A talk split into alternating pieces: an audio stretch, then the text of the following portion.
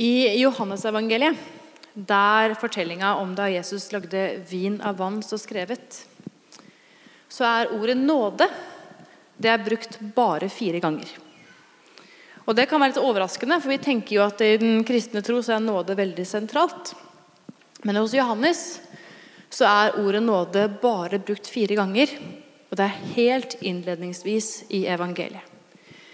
I de første kapitlene, det, som gjerne, det første kapitlet, det som gjerne leses på første juledag, om ordet som tok bolig iblant oss, om Gud som ble menneske, der står det, står det ved ham har vi fått nåde over nåde.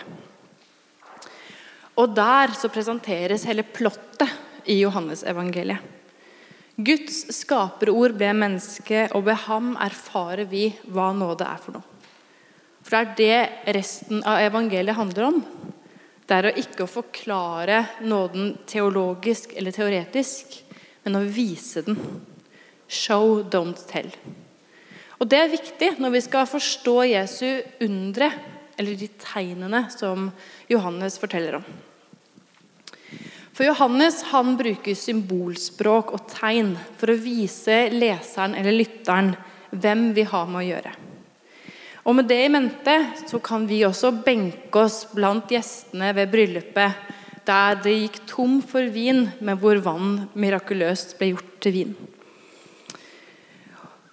Og Med det i mente kan vi også huske at Johannes han bruker symboler for å utlegge hvem Jesus er. For Hvis vi tror at poenget med fortellingen er at Jesus kunne lage vin av vann, og det er det, da går vi glipp av ganske mye. Og Derfor skal vi ta et lite dypdykk inn i Johannesevangeliet i dag. Men vi må gjøre det fra flere perspektiver. For Jesus han blir altfor liten om man bare ser han fra én vinkel. Særlig i Johannesevangeliet. Derfor skal vi først se litt sånn nøye på teksten først, det litterære. Og Det første vi skal legge merke til i den teksten, er at Johannes allerede før liksom, fortellinga begynner, sier at det var på den tredje dagen det skjedde. Og det kommer liksom, liksom abrupt. midt i, midt, altså Det bare begynner sånn. Man vet ikke tredje dagen før hva, tredje dagen etter. Hva betyr egentlig tredje dagen? Jo, hos Johannes så skal vi spisse ørene hver gang han angir den type informasjon. Den tredje dagen den er et frampek på det som skal seinere skje på den tredje dagen. Nemlig tre dager etter Jesu korsfestelse når han står opp igjen fra de døde. Så det peker altså framover allerede før historien har begynt, mot det største av alt, nemlig mot oppstandelsen. For det er nemlig stort at det blir vin av vann, men enda større er det at Jesus står opp fra de døde og inviterer til fest i himmelen der vinen aldri tar slutt, der maten og fellesskapet aldri tar slutt. Og Det andre som er verdt å legge merke til i historia, og som i hvert fall for meg ved første øyekast er en provoserende del av fortellingen, er hvordan Jesus tiltaler mora si, Maria. Kvinne, sier han til henne.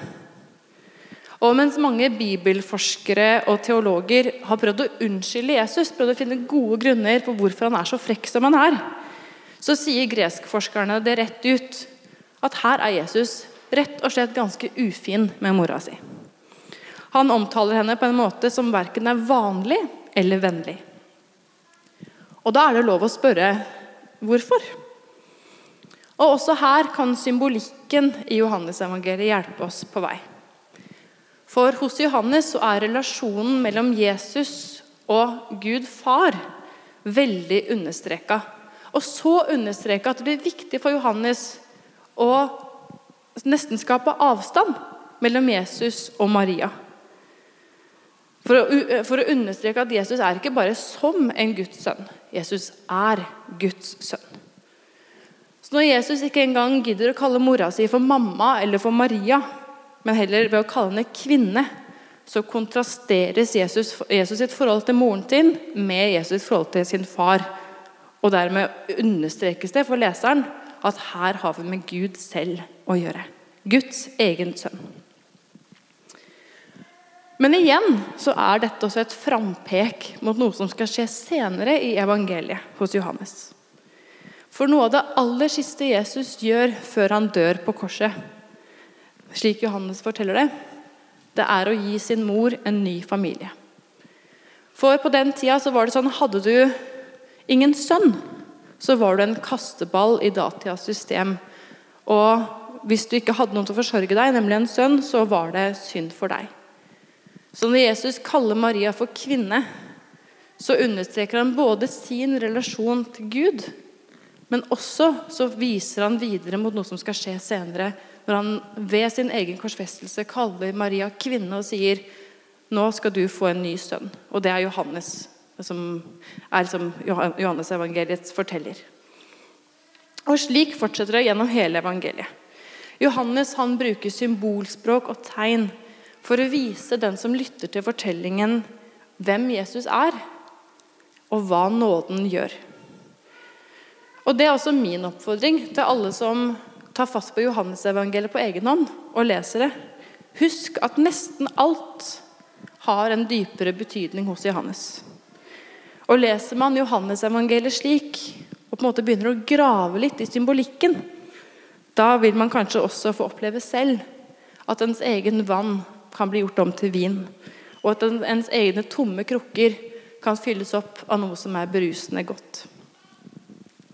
Og med det så går vi over fra det teoretiske og til det sansbare. Til det som Johannes er minst like opptatt av som tegnene og symbolikken. Og undrene. For det er nemlig det at nåden den finnes i alt det vi omgir oss med. Og den nåden den overrasker oss igjen og igjen. Johannes bruker ikke ordet nåde, men han viser den igjen og igjen. Og nåden, det er at vi får mer enn det vi våger å håpe på. For er det noe fortellingen om vinunderet i Kana gjør, så er det å vise at nåden den gir oss mer enn vi kan håpe på. Og det tror jeg er noe vi trenger å holde fast i når vi har gått inn i dette nye året og dette splitter nye tiåret. For utgangspunktet for fortellingen i Kana er jo at det er noe som har gått tomt. Det er egentlig ikke at, noe, at vann ble til vin, men at det var, noe, det var en mangel på noe. De har ikke nok vin, sier Maria i fortellingen. Og ekkoet fra Maria idet hun utbryter det åpenbare, at nå er vinen drukket opp, nå er festen over, nå er ressursene tatt slutt. Ekkoet fra Marias 'De har ikke nok', det lyder helt inn i vårt splitter nye tiår. For om ikke 2019 gjorde det tydelig nok, så begynte også dette året med nye skogbranner. Nå er det Australia som står i flammer. De har ikke nok brannmenn. De har ikke nok vann. De har ikke nok nye boliger, så folk som har fått brent ned hjemmene sine, skal få nye steder å bo. De har ikke nok. Og her hjemme hører vi den samme sagaen. Vi har ikke nok. Vi har ikke nok rom i herberget til at lengeværende papirløse skal få trygge rammer for livene sine. Vi har ikke nok endringsvilje blant oss til å omstille oss fort nok til det grønne skiftet. Enda et oljefelt er åpna i 2020, for vi har ikke nok. Og nok er ikke nok lenger. Det er ikke nok. Ekkoet fra Marias utbrudd 'De har ikke nok' har også nådd våre lepper. Og det er ikke bare i møte med de store globale endringene vi tar disse ordene i eie. Også i det nære, i det helt personlige, kan vi kjenne ordenes ekko lyde langt inni oss. For flere av oss også her veit åssen det er å kjenne at vi har ikke nok. Vi er ikke nok. Flere har kjent på tap av krefter, tap av sosial posisjon, tap av liv nært oss. Døden er alle menneskers livsbetingelse. Og i møte med døden så er disse ordene Vi har ikke nok. Aldri sannere. Vi har ikke nok. Vi har ikke nok helse, vi har ikke nok krefter. Vi har ikke nok. Og som noen av dere vet, så til daglig så jobber jeg som prest. i Den norske kirke, og som prest så tar jobben min meg veldig nært døden. Og De siste åra har jeg stått ved flere graver til mennesker som ble mye yngre enn meg selv da de døde.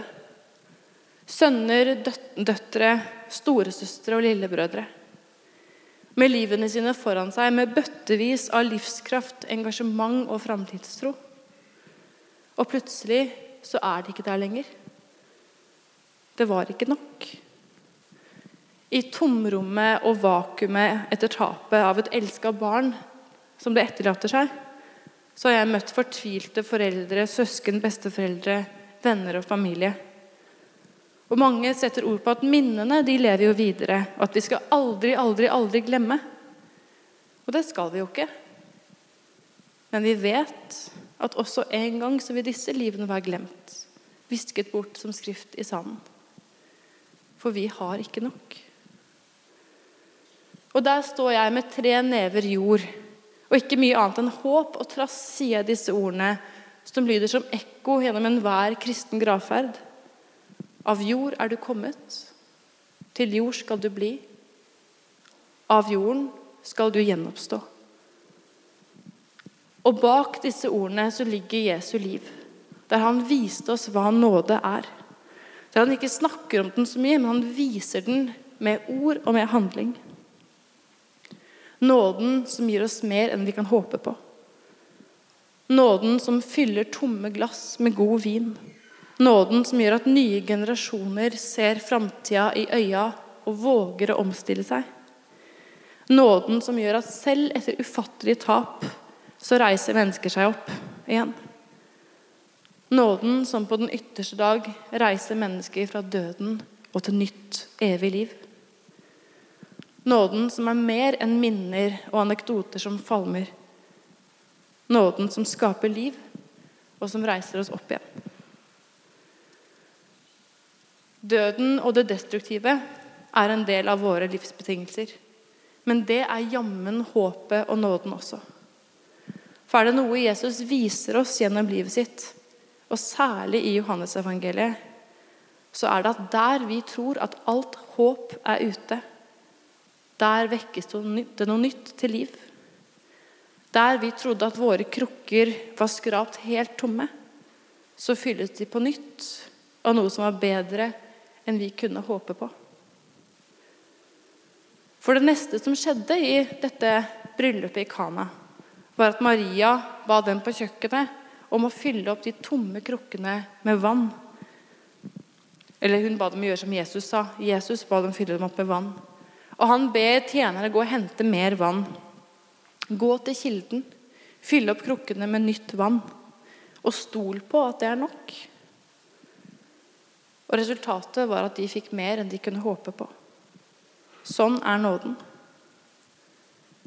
Og når mennesker lar, når mennesker lar seg forme av det de ser og det de hører, og velger å stole på at også utenfor det konforme også utenfor det umiddelbart komfortable eller til og med sannsynlige. Der finnes det kilder til nåde. Vann som blir til vin. Livskrefter som vinner tross alt. Men det hadde ikke skjedd uten at noen hadde gjort som Jesus sier. Uten at noen hadde fylt opp krukkene med helt vanlig vann og trodd, håpa og kanskje rista på hodet underveis mens de holdt på men gjorde det likevel. Og ved nåde over nåde så fikk de mer enn de kunne håpe på. I Johannes-evangeliet så møter vi igjen og igjen mennesker som står midt i et problem de ikke ser enden på. Enten det er tomme vinkar, sykdom som river livet i filler, eller døden som har stjålet en elsket bror. Felles for dem alle er at de kommer til Jesus med et skjørt håp. Og Jesus gir dem noe som er bedre. Det er nåde. For av nåde har vi alle fått nåde over nåde. Og nåden den starter her, i det tomme. I tomme vinkrukker, i ord som erkjenner virkeligheten, og i nye møter med Jesus, som sender oss ut, ut i hverdagen for å legge merke til hva Gud gjør med den. Derfor kan også våre rop 'Vi har ikke nok' bli møtt av Jesu nåde. Jesus som fyller igjen våre tomme krukker, og som kommer med vann til våre brennende skoger, og som kan redde oss fra sykdom og død. Men først må vi erkjenne, og vi må handle. Slik at også vi kan bli krukker med levende vann for hverandre og for alt som lever. Amen.